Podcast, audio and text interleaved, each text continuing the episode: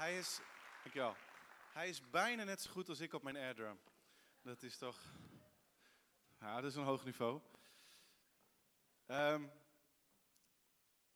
ja, we staan uh, aan het begin van een nieuw jaar. Het is een paar keer uh, genoemd. Um, en een nieuw jaar is altijd een goed moment om uh, erover na te denken van, hey, wat zijn nou de doelen voor dit jaar? Wat wil ik bereiken? Waar wil ik persoonlijk in groeien? Hoe wil ik mijn karakter gaan ontwikkelen? Wat zijn nou de doelstellingen? Um, wat zijn, wat zijn ja, zaken die ik wil ontwikkelen, die ik tot bloei wil brengen? Een cruciaal moment eigenlijk, ieder jaar zo aan het begin van een jaar. En vooral een moment om ook te beslissen van, hé, hey, um, wie zetten we op de eerste plaats? Wat zetten we op de eerste plaats? Wat is het belangrijkste voor ons in het nieuwe jaar? En jarenlang liep ik eigenlijk met dit doeleinde rond met zo'n WWJD-bandje. Ik heb er nu eentje om en de hele band had er ook al eentje om. Wees gerust, jullie krijgen er ook nog allemaal eentje. Maar een WWJD-bandje. En dat staat voor What Would Jesus Do? Uh, in mijn tijd ontzettend populair, een, echt zo'n zo'n rage. En dat is eigenlijk een van de weinige rages die voor mij echt van betekenis is geweest. Ik heb op de basisschool flippo's gespaard. Wie kent ze nog? Flippo's, ja, ja. En uh, mappen vol, echt fantastisch. Competitie op het plein en dat soort dingen. En uh, ik heb voetbalplaatjes gespaard. Ik had de hele Nederlandse competitie ongeveer van begin jaren 90 compleet. Inclusief kaartjes ook van Marco van Basten nog bij AC Milan in zijn actieve voetbalcarrière. Fantastisch. Ik heb geen idee waar dit alles ligt. Al die raasjes die zijn voorbij gegaan. Die hebben niet zo heel veel impact op mijn leven gehad. En uh, deze rage van WWJD-bandjes daarentegen heeft een hele grote impact gehad. Ik kon niet op een conferentie of bij een festival zijn of ze lagen prominent te koop en ook in iedere boekhandel waren ze te verkrijgen. What would Jesus do? Een vraag die ik mezelf voortdurend uh, stelde om ja, eigenlijk in iedere situatie te bedenken, wat zou Jezus zeggen? Wat zou Jezus doen? Wat zou zijn houding zijn? Hoe zou hij nou reageren? En hoe ga ik dan reageren? Wat ga ik dan zeggen? Wat ga ik gaan doen, dan doen? Wat is mijn houding vandaag? En uh, het is een rage uit de jaren negentig, maar die heeft hele diepe wortels in de kerkgeschiedenis. Dat is wel interessant. Um, de, de Rooms-Katholieke Kerk die spreekt al eeuwen en eeuwen over de imitatio Christi. Dat is Latijn en dat spreekt over het imiteren van Christus, het nadoen van Christus, of eigenlijk beter gezegd gewoon de navolging van Christus. En uh, Charles Spurgeon die haalt in 1891 in een preek, citeert hij Thomas A. Kempis, een van ja, zo'n grote denker die uh, fantastische boeken heeft geschreven. Uh, een van zijn boeken die heet Imitatio Christi. En Charles Spurgeon citeert dan uit dat boek, dat is geschreven tussen 1421 en 1427. Hij citeert daaruit in zijn eigen woorden, what would Jesus do? In zijn taal. Wat zou Jezus doen? En wereldwijd werd de uitspraak nog meer bekend door een boek uit 1896 van Charles Sheldon. En dat had als subtitel What Would Jesus Do? En hij maakte een fout in de copyrights. Dus het boek kon heel goedkoop gedrukt worden en vermenigvuldigd worden. En het is 30 miljoen keer verkocht. Een boek uit 1896. 30 miljoen keer. Het behoort tot de top 50 meest verkochte romans aller tijden. What would Jesus do? Het is dus een vraag met goede papieren vanuit het verlangen om meer op Jezus te gaan lijken. Om Hem na te volgen. En in deze serie uh, herformuleren we de vraag een klein beetje. Niet what would Jesus do, maar what would Jesus undo? Wat zou Jezus wegdoen? Wat zou hij willen verwijderen uit jouw leven wanneer hij hier vandaag op deze aarde in onze tijd zou rondlopen? Wat zou hij wegdoen? Keer op keer laten onderzoeken zien uh, en simpele straatinterviews dat het eigenlijk niet zo best gesteld is met hoe mensen kijken naar christenen, wat ze over christenen denken. Dat is in Nederland en in Amerika verschilt het niet heel veel, maar in een, een aantal gecombineerde onderzoeken uit Amerika, daar bleek dat, in de, dat de top twee gedachten van mensen over christenen was dat ze hypocriet zijn en dat ze veroordelend zijn. In de hele top 10 kwam het woord liefde niet voor. En dat is best wel erg. En ik geloof daarom dat als Jezus vandaag de dag op deze aarde zou rondlopen, net als hij 2000 jaar geleden deed, dat hij niet alleen zou zeggen van dit moet je doen, maar dat hij ons ook zou wijzen op jongens, er zijn een aantal zaken in jouw leven die je weg moet doen, die je moet verwijderen, die je, die je moet ontkrachten, waar je de angel uit moet halen. Wat zou Jezus dus aan mij, wat zou Jezus aan ons willen veranderen, willen vernieuwen, beter willen maken? We kijken deze maand naar vier zaken waarvan we denken van, hé, hey, dat is iets wat Jesus would undo. En uh, we gaan kijken naar uh, onverschilligheid, naar hoogmoed, naar uh, hebzucht. En vandaag gaat het over oppervlakkigheid. En oppervlakkigheid heeft de volgende definitie, leest u mee. Oppervlakkig is dat wat aan de buitenkant zit. Het is zonder diepgang, het is onecht, het is ondoordacht, het is vluchtig, snel voorbij. Dat is oppervlakkig. En Jezus die heeft in Matthäus 15 een ontmoeting en een gesprek met fariseeën en met uh, schriftgeleerden en met zijn discipelen. En dat begint als volgt in vers 1, leest u mee. Toen kwamen er vanuit Jeruzalem fariseeën en schriftgeleerden naar Jezus. Ze vroegen hem, waarom overtreden uw leerlingen de tradities van onze voorouders? Bijvoorbeeld, ze wassen hun handen niet voor ze hun brood eten. Hij gaf hen ten antwoord, en waarom overtreedt u het gebod van God alleen om uw eigen traditie in stand te houden? Want God heeft gezegd, toon eerbied voor uw vader en moeder en ook wie zijn vader of moeder vervloekt, moet ter dood gebracht worden. Maar u leert, wie tegen zijn vader of moeder zegt, alles wat van mij is en voor u van nut had kunnen zijn, bestem ik tot offergave, die hoeft zijn ouders geen eerbied te tonen. Zo ontkracht u het woord van God uit eerbied voor uw eigen traditie. Huigelaars zijn jullie. En wat is Jesaja's profetie toch van toepassing op jullie? Dit volk eert mij met de lippen, maar hun hart is ver van mij. Te vergeefs vereren ze mij, want ze onderwijzen hun eigen leer, voorschriften van mensen. Dus de fariseeën die hebben het hier over de traditie van hun voorouders. Dat wat mondeling al tientallen, al honderden jaren is overleverd. Van geslacht op geslacht, de, de halacha, de mondelinge overlevering. En die was ontzettend belangrijk. Daarmee werd geprobeerd om de geschreven wet uh, uit te leggen en om die toe te passen. Eigenlijk net een klein beetje als wij een grondwet hebben, maar die wordt toegepast, die wordt uitgewerkt, die wordt begrijpelijker gemaakt in allerlei situaties door een heel wetboek eraan vast te koppelen. En zo hadden zij in eerste instantie mondeling, hadden ze honderden, duizenden regels bedacht, zoals handen wassen. Twee keer handen wassen. De eerste keer waste je je handen om ze schoon te maken. En de tweede keer waste je dat water, wat onrein was geworden door je handen te wassen, spoelde je nog een keer weg. En zo waren er tot op details. Sommige Joden deden dat voor iedere gang van de maaltijd weer opnieuw. Ze hadden van alles uitgedacht om maar niet die wet geweld aan te doen. Om te zeggen, hoe kunnen we nou rein blijven en niet onrein worden? Laten we dan een hele bescherming eromheen bedenken. En Jezus valt dat niet zozeer aan. Jezus, Jezus veroordeelt dat niet, dat dat is gebeurd. Het is eigenlijk best wel een logische ontwikkeling. Wat ik zeg, wij hebben ook een grondwet, maar daar, daar worden steeds weer wetten aan toegevoegd en die worden herschreven om, om die grondwet recht te doen. Jezus veroordeelt het niet.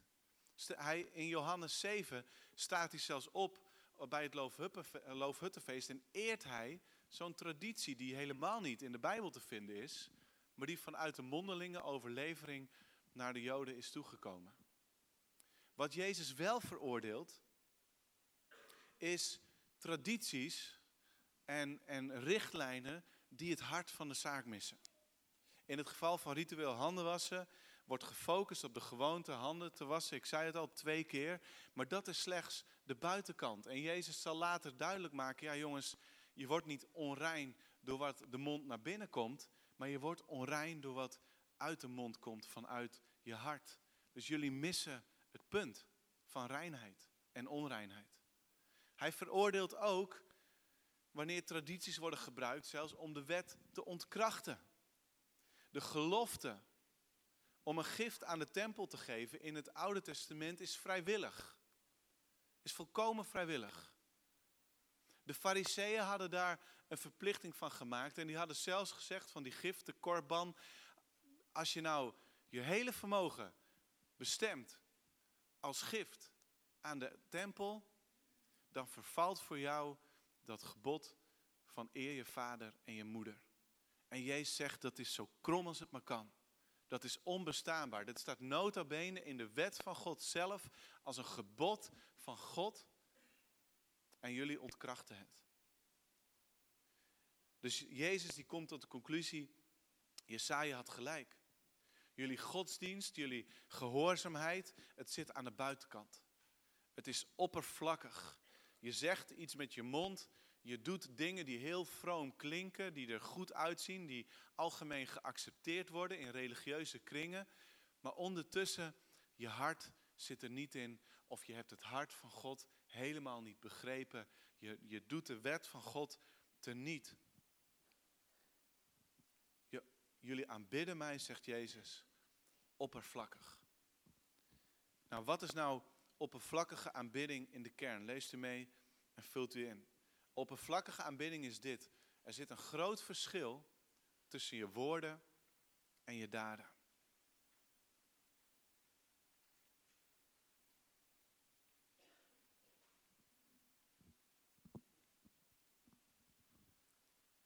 Er zit een groot verschil tussen je woorden en je daden. Ik werd uh, afgelopen, of vorige week werd ik uitgenodigd voor een feestje gisteren van een meisje wat zes wordt en wat jarig uh, was. En uh, heel grappig, ze, eigenlijk mocht je alleen maar komen als je een cadeautje had. Dus ik zei, wij gaan een cadeautje voor je regelen. Maar stel je nou eens voor dat ik een, een hele grote doos had genomen en ik had het prachtig ingepakt met mooi pakpapier voor jonge kinderen en met wat lintjes en versierseltjes. En, en ik had dat aan haar gegeven en ze had dat uitgepakt, vol verwachting, vol enthousiasme. En die doos die was compleet leeg. Hoe was dan de reactie van dit meisje geweest? Als dat mijn cadeau, wat eigenlijk geen cadeau is, voor haar was geweest.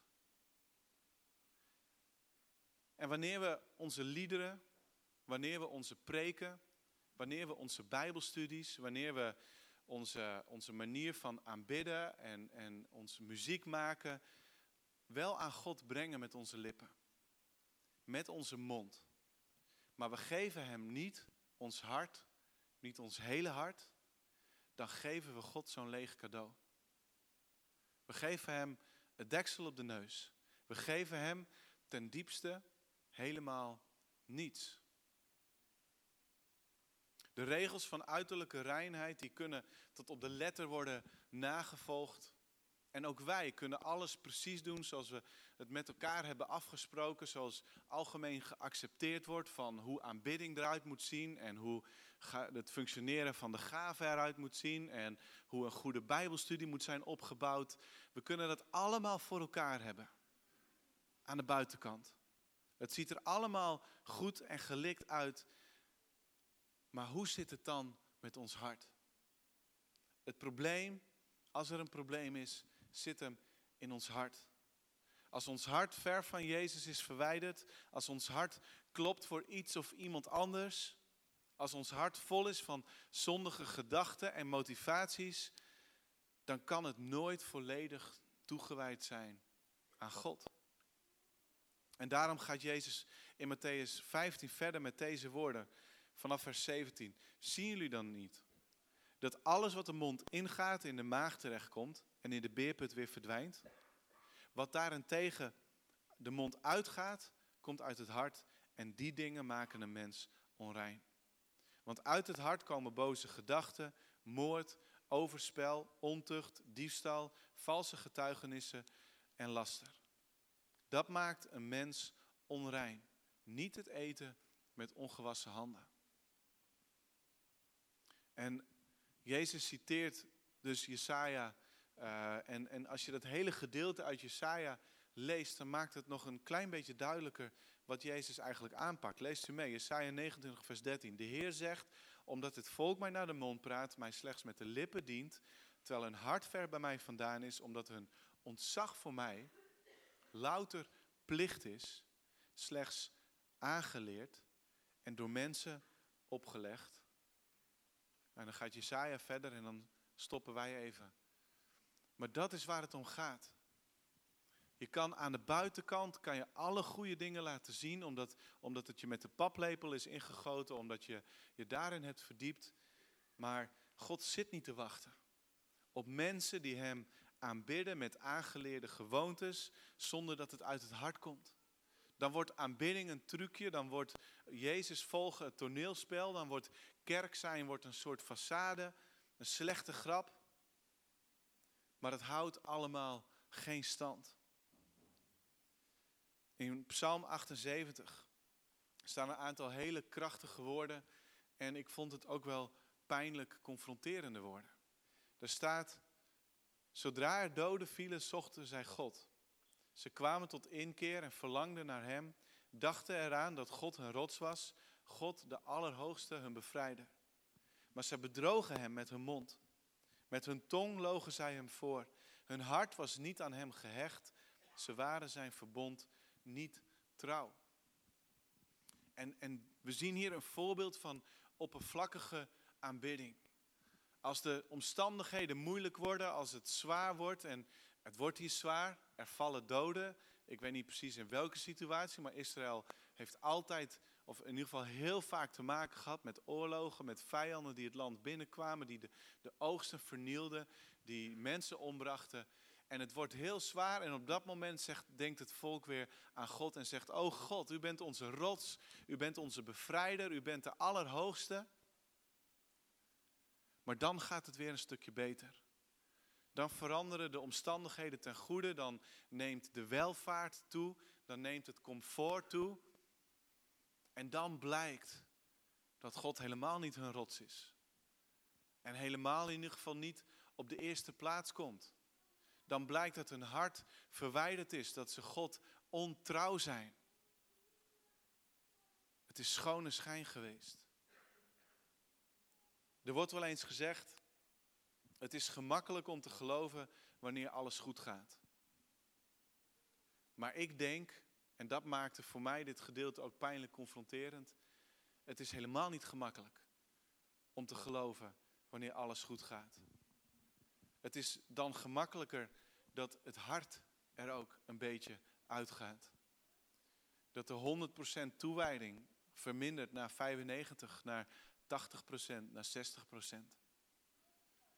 Dat het gemakkelijker wordt om jezelf toe te staan, je leven te vullen met zaken die niet per se verkeerd zijn, maar ook niet de beste.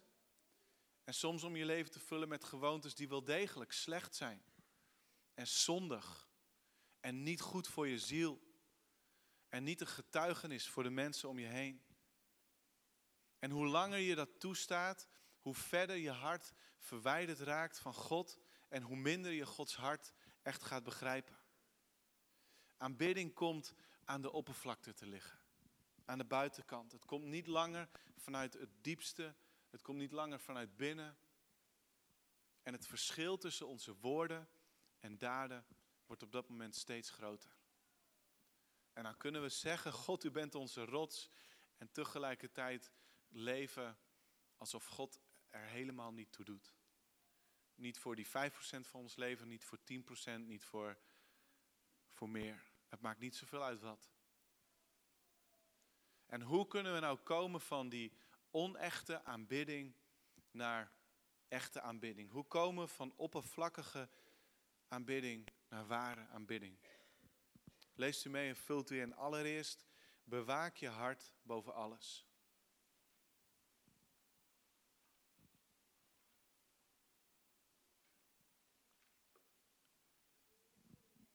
Er staat in Spreuken 4, een van de, de belangrijkste teksten voor mijn leven eigenlijk. Er staat van alles waarover je waakt, waak vooral over je hart. Het is de bron van je leven. En in de Bijbel is de, het hart is de plaats van gevoelens, van emoties, maar ook van je wil, van je verlangens. Het is het centrum van, van je reflectie, van bezinning, van overdenken, van wie ben ik en, en waarvoor ben ik hier. Het, het hart is echt het centrum van je leven. Je hele leven komt voort uit je hart. Dus daarom zegt Salomo ook hier, het is, het is de bron van je leven. Het is een centraal, het is een sturend orgaan voor, voor alles. En daarom moedigt spreuken ons aan om aandacht te geven aan ons hart. Omdat het ook in, in een paar hoofdstukken eerder erover heeft dat, dat we wijsheid moeten opslaan in ons hart. Dus als we ons hart bewaken, dan bewaken we de wijsheid. Dan bewaken we de, de wil van God over ons leven. Dan bewaken we echte kennis. Dan bewaken we ontzag en respect voor God.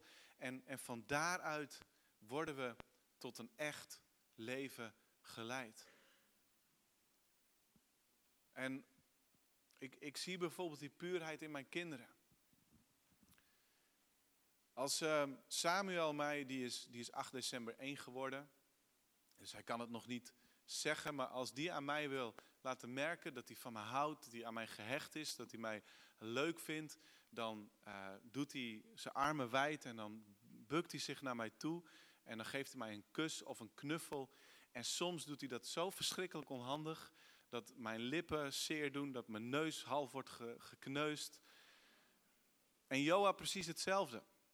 Die is vier en als ik zeg, Joa, ik wil een knuffel van je, ik wil een Joa knuffel, dan knijpt hij me zo ongenadig hard om mijn nek en dan wordt mijn bril in mijn neus gedrukt. Weet je, iedereen met een bril weet hoe dat voelt.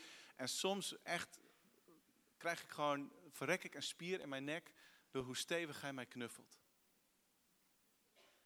En toch geniet ik ervan. Omdat het een puur kinderhart is dat op dat moment tegen mij zegt, Heid, ik hou van jou. Onvoorwaardelijk, helemaal. Ik, ik kan je wel zoenen, ik kan je wel knuffelen. Je bent geweldig. En dat is wat God ook van ons wil. Dat we dat zuiver hart, dat is denk ik wat het betekent. Dat we worden als kinderen. Dat we ons hart zuiver houden, onze motieven puur. En dat we zeggen, God, niet een klein beetje van mij is voor u, maar alles van mij is voor u. Bewaak je hart. Ten tweede, echte aanbidding bestaat hierin. Doe wat je zegt.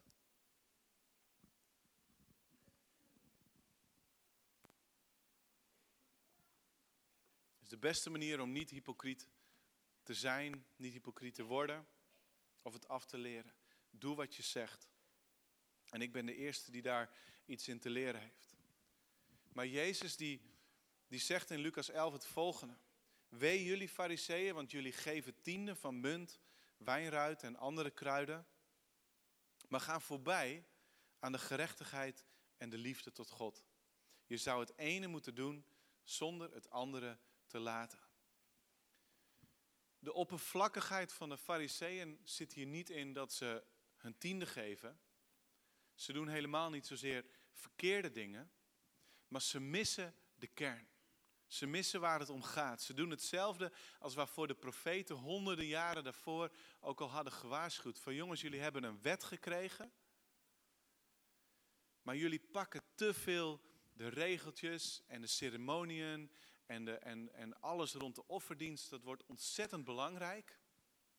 Maar waar de wet werkelijk om gaat, de liefde voor God en je naaste, om het doen van gerechtigheid, om barmhartigheid te, te bewijzen, om genadig te zijn, dat mis ik.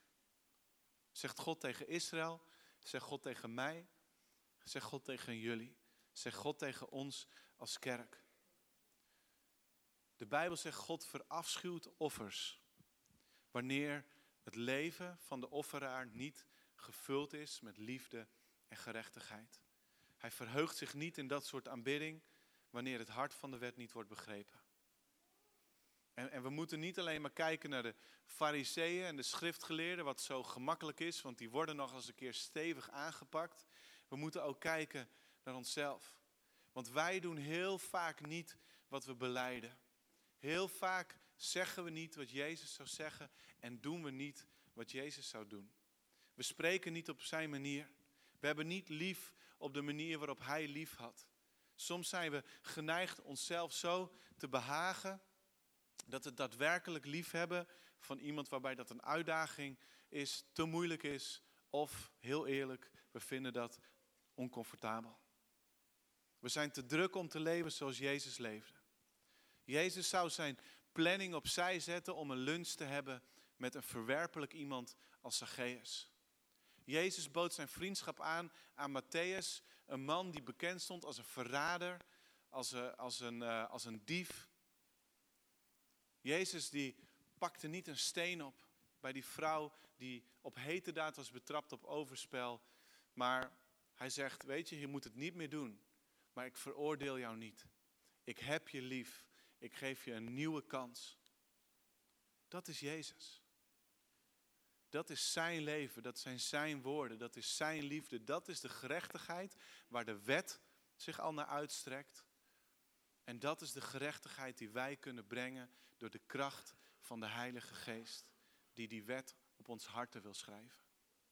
Het hoeft niet meer van buiten af te komen. Het mag van binnenuit opborrelen. Willen we echte aanbidders worden? Dan moeten we niet zangles nemen. We hoeven niet een instrument te leren bespelen, hoe mooi dat allemaal ook is. Maar dan moeten we doen wat we zeggen. Als we zeggen, Jezus, ik wil u navolgen, dan moeten we dat doen. De apostel Johannes die vat het heel goed samen als hij zegt in 1 Johannes 3 vers 18, kinderen, we moeten niet lief hebben met de mond, met woorden, maar waarachtig, met daden. Dat is echte liefde. En tot slot, echte aanbidding is het volgende, vult in. Geef niet een deel, maar geef alles.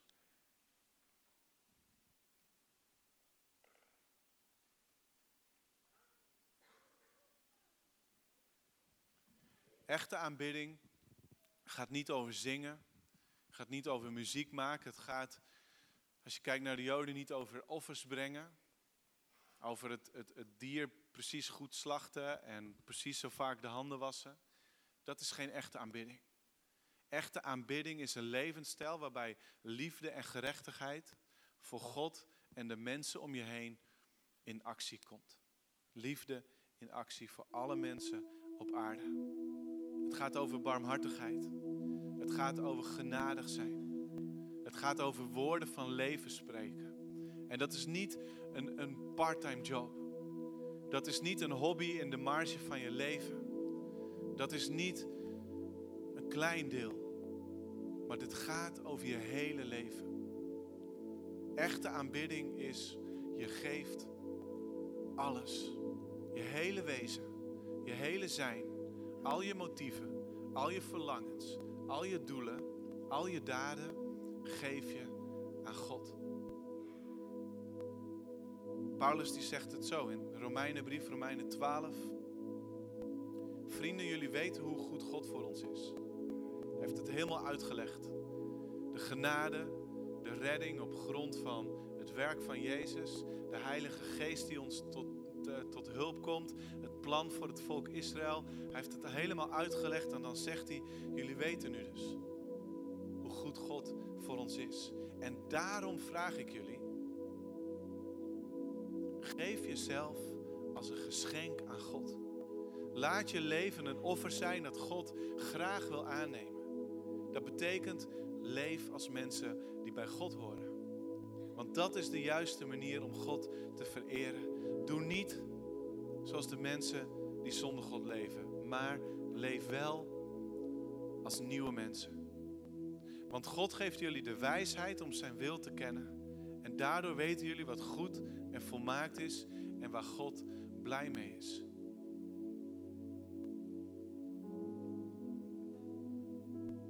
We worden niet gered door het doen van goede werken. Dat is een hele bekende uitspraak en die wil ik vandaag herhalen. Maar vanuit onze redding, dat is wat Paulus hier eigenlijk zegt, zouden we wel moeten komen tot die levensstijl waarbij alles voor God is. Vol liefde, vol gerechtigheid. En Paulus die vergelijkt het nieuwe leven met het aanbieden dan van een offer aan God. Hij zegt letterlijk, het moet levend, heilig en welgevallig zijn. En dat zijn woorden die letterlijk gezien zijn weggevallen in deze vertaling, de Bijbel in de gewone taal. En toch vind ik het fantastisch weergegeven. Wat de kern van deze passage is. Echt geweldig. De offers die gelovigen moeten aanbieden zijn hun lichamen. En dat staat voor jou, voor wie jij bent. En we wijden onszelf volledig toe aan God, aan zijn wil. We gaan leven zoals God dat graag wil en waar Hij blij van wordt. We geven ons alles. En er is geen betere manier dan het nieuwe jaar in te gaan met dit besef. We zeggen, Jezus, wilt u die oppervlakkigheid wegdoen? Wilt u iedere vorm van hypocrisie, van onechtheid, wilt u dat alsjeblieft verwijderen? En ik wil mijn stappen zetten en ik wil mijn acties daarvoor doen. Maar God, het is ook een genadewerk van u. Wat u wilt doen door uw Heilige Geest. Dus ik wil u de ruimte geven. Om mijn hart vrij te maken van die oppervlakkigheid.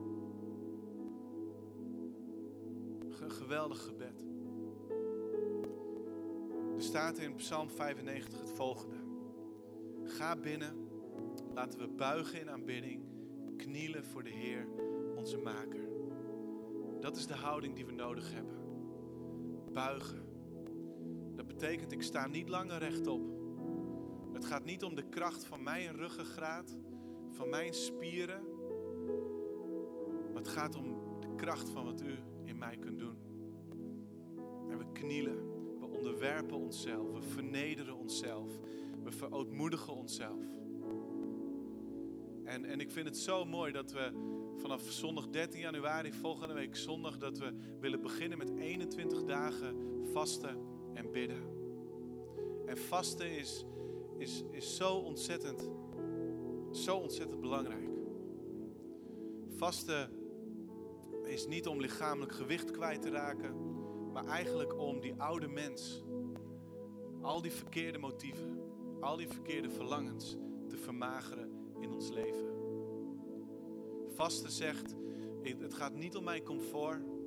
Ik laat alles wat anders voor mij zo ontzettend belangrijk is en waar heel veel tijd in gaat zitten, laat ik even een keer liggen.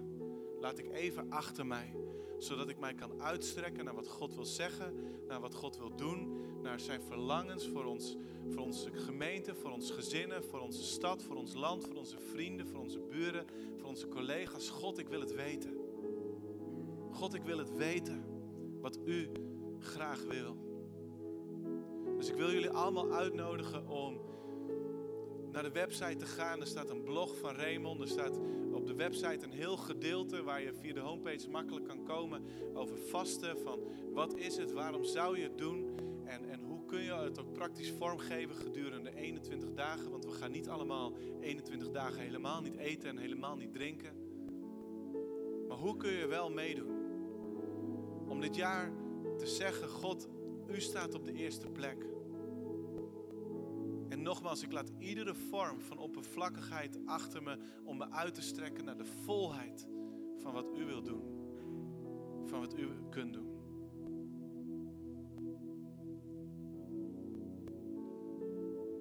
Ik wil met jullie gaan bidden.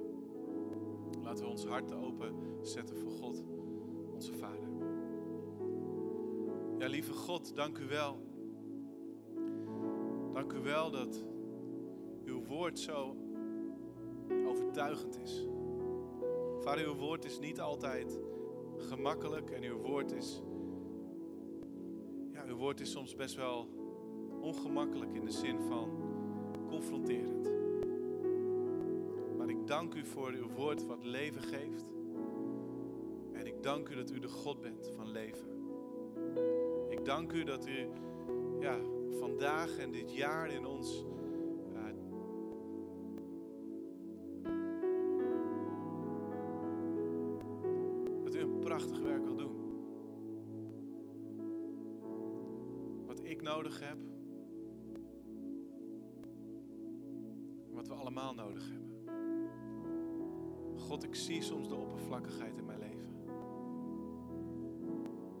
zie soms het verschil tussen mijn woorden en mijn daden.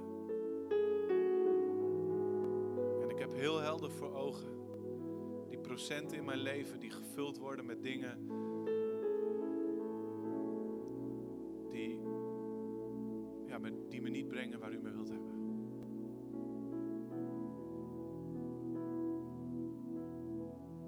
En God, daarom met de woorden van Psalm 95 willen we ons buigen, willen we knielen